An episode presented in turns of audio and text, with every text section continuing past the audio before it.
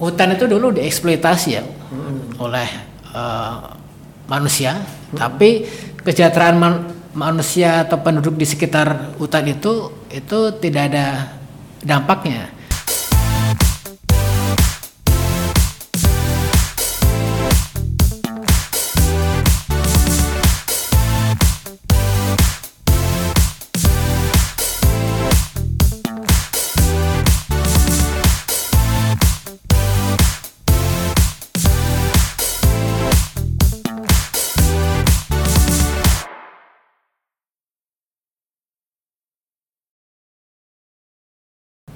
Hai Sobat Hutan di mana pun kalian berada, selamat datang di podcast kami di Forest Talk Ruang diskusi ringan, kekinian, dan menyenangkan seputar hutan.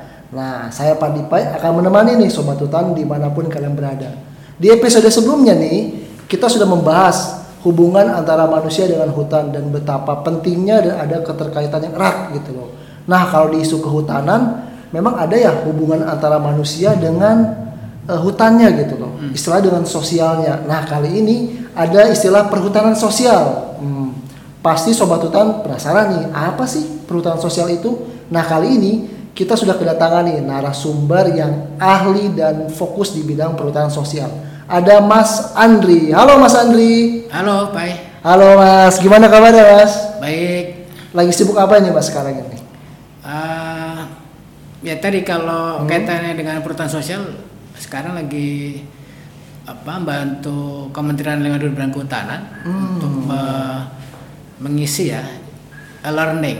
Oh learning ya Mas ya? Jadi sekarang karena zamannya pandemi, gitu, jadi kan pembelajaran pakai e-learning ya. Jadi Iya. eh, Kementerian Kehutanan dengan Hidup dan Kehutanan membuat e-learning untuk pelaku kehutanan, pelaku perhutanan sosial dan eh, pendampingnya. Jadi, Wah, ini menarik banget nih Mas nih. Tapi Mas Andi ini merupakan sekjen dari FKKM. Nah, pasti sobat hutan penasaran nih, apa sih FKKM ini? Jadi FKKM ini apa nih Mas? Bisa diceritain nggak sejarahnya atau kesibukannya sekarang Mas? Jadi kalau FKM sebenarnya udah cukup lama ya dari Hmm. dulu tuh tahun 97 Wah, 97 lama juga belum ya. 97 saya belum. umur berapa tuh Pak? Saya masih 97. SD. Ya 97 itu eh, beberapa penggiat ya LSM Hmm. kehutanan kemudian sama pengajar lah dosen-dosen eh, kehutanan gitu ya. Nah itu berkumpul di Fakultas Kehutanan UGM. Oh, di UGM Jogja ya Mas ya. Ya, tepatnya 23 24 September lah 97. Oh.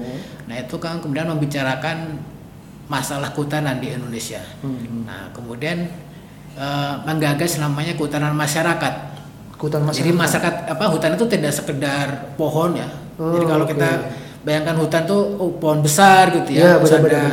ada binatangnya gitu Betul. ya. Tapi eh, teman-teman tersebut percaya bahwa sebenarnya ada masyarakat juga yang tinggal di, di sekitar hutan bahkan berinteraksi dengan hutan. Wah. Dan kemudian ini yang kayaknya perlu di apa dipromosikan ya.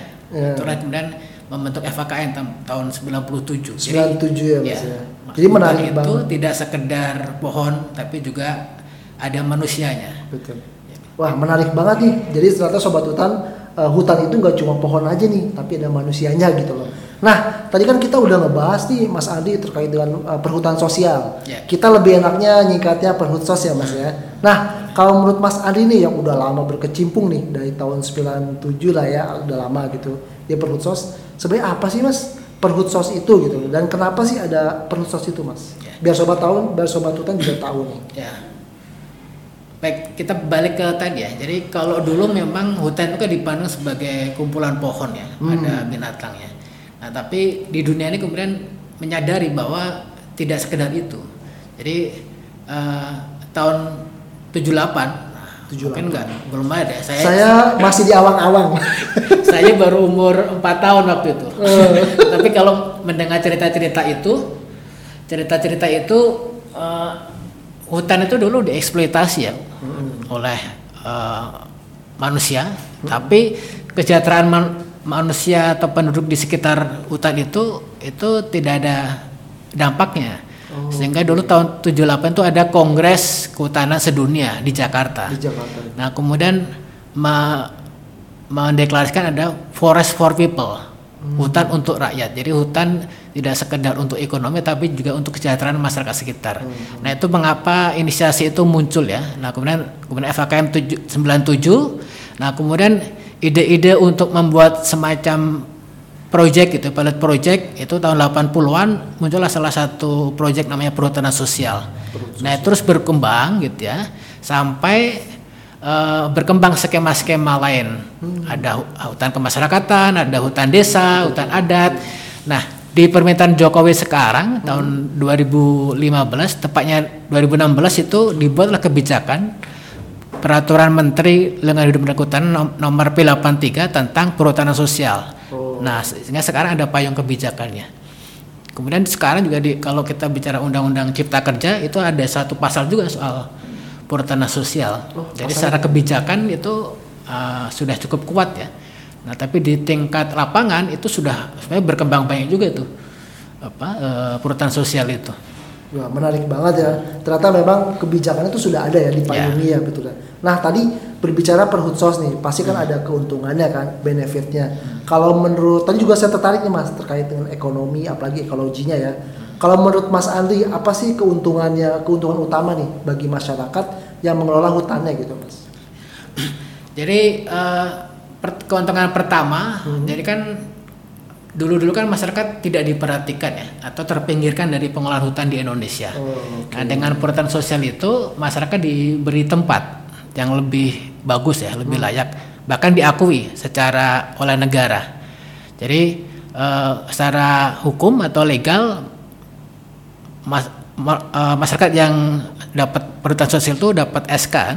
hmm, so. SK dari menteri dan itu hmm. jangkanya panjang wow. 35 tahun Wih, dan bisa diperpanjang jadi kalau diperpanjang bisa 70 tahun usia itu kita kan udah bisa kita wariskan ke anak cucu itu iya, iya. Nah, tapi kalau hutan adat, nah itu masih ada di, diakui untuk ngelola hutan adatnya. Kalau hmm. hutan adat malah tidak ada batas waktu ya, Betul. karena itu udah jadi hak adat gitu ya. Hmm. Nah itu secara ini ya keuntungan secara uh, politik, secara uh, ekonomi tentu saja hutan itu kemudian uh, bisa menjadi aset ya hmm. untuk dikelola dan dikelola dengan baik itu bisa meningkatkan kesejahteraan okay.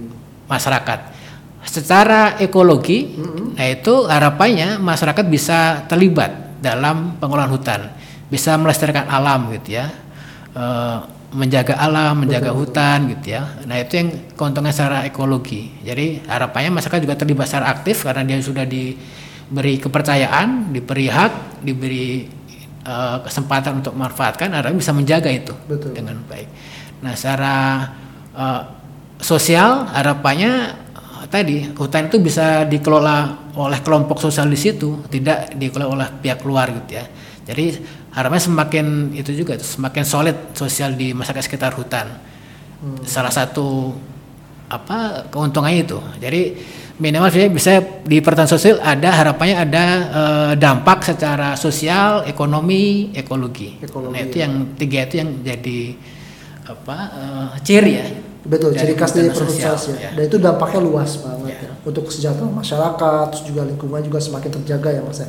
Nah, pasti sobat hutan ini tertarik nih tadi uh, Mas Adi pernah bilang nih mengenai skema-skema ya Mas ya. hmm. ya. Tadi kan ada bilang skema hutan adat, hutan rakyat. Nah, kalau menurut Mas Adi nih uh, skema-skema apa aja sih Mas yang ada di perhutanan sosial gitu Terus apa sih perbedaannya dan peluangnya gitu? Ya, hmm.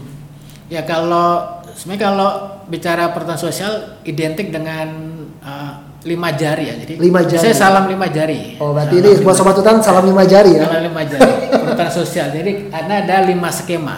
Oh, lima skema. Lima skema. Jadi ada hutan kemasyarakatan, kemasyarakatan. atau hutan atau HKM disingkatnya. Hmm. Ada hutan desa, hutan desa. Ada hutan tanaman rakyat, ada kemitraan kehutanan dan ada hutan adat. Nah, itu lima skema. Sebenarnya yang membedakan itu adalah uh, unit sosialnya. Oh, unit sosial. Jadi kalau misalnya tadi bicara hutan adat, itu adalah hutan yang dikelola oleh masyarakat adat. Hmm. Jadi unit sosial adalah masyarakat adat.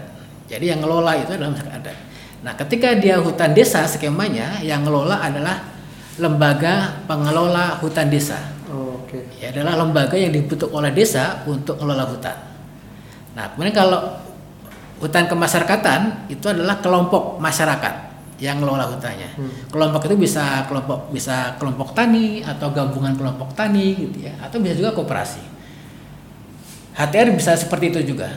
Apa eh, bedanya kalau HTR itu selain kelompok tani, kelompok tani, koperasi bisa juga perorangan untuk ngelola HTR. Hmm, betul. Nah, kemudian kalau tadi kemitraan kehutanan itu kelompok juga, tetapi itu dikelola bersama pemegang izin atau pengolah hutan. Jadi kalau eh, teman-teman tahu ada perusahaan HPH gitu ya, ada kalau di Jawa ada perhutani gitu ya, atau Taman Nasional. Nah, itu itu pengelola atau pemegang izin yang diwajibkan untuk bermitra dengan masyarakat dalam mengelola hutan. Sehingga namanya kemitraan kehutanan. Hmm. Nah, kira-kira itu bedanya. Walaupun sebenarnya kalau di tingkatannya fungsi kan fungsi hutan ada tiga ya. Iya. Ada fungsi produksi, lindung, sama konservasi. Konservasi. Nah, ini juga ini apa berpengaruh. tuh. Kayak co- contohnya HTR tadi hutan tanam rakyat itu hanya bisa ber- diberlakukan di hutan produksi karena dia untuk mendukung industri eh, perkayuan ya industri kayu. Jadi untuk kata hutan rakyat. produksi. Dia nggak bisa di hutan lindung atau konservasi. Tetapi kalau HKM, hutan desa, hutan adat, nah itu bisa di eh, ketiga-tiga fungsi itu bisa diproduksi, bisa dilindung, gitu ya. Nah tapi kalau konservasi nggak bisa. Nah kalau kemitraan kehutanan itu bisa dikonservasi atau dilindung atau produksi, tetapi dia bermitra dengan pengelola atau pemegang izin. Jadi kira-kira itu eh, membedakannya ya, secara mudah gitu ya. Walaupun saya kadang-kadang kita juga berbelit-belit juga itu.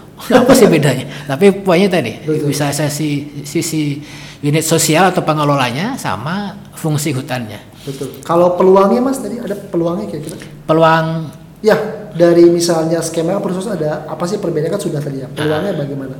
Misalnya. peluang untuk mengakses itu. Iya, betul. Ya. Jadi kalau perhutanan sosial kan emang itu akses ya. Jadi peluangnya besar. Jadi pemerintah itu Jokowi itu malah mentargetkan 12,7 juta hektar ya. Iya.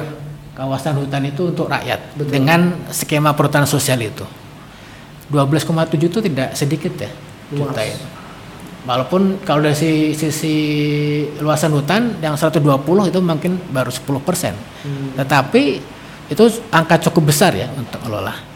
Dan itu dipercayakan kepada rakyat tuh untuk kelola hutan. Nah, jadi peluangnya lebar gitu ya, sehingga bagaimana kita masyarakat itu itu bisa memanfaatkan peluang itu.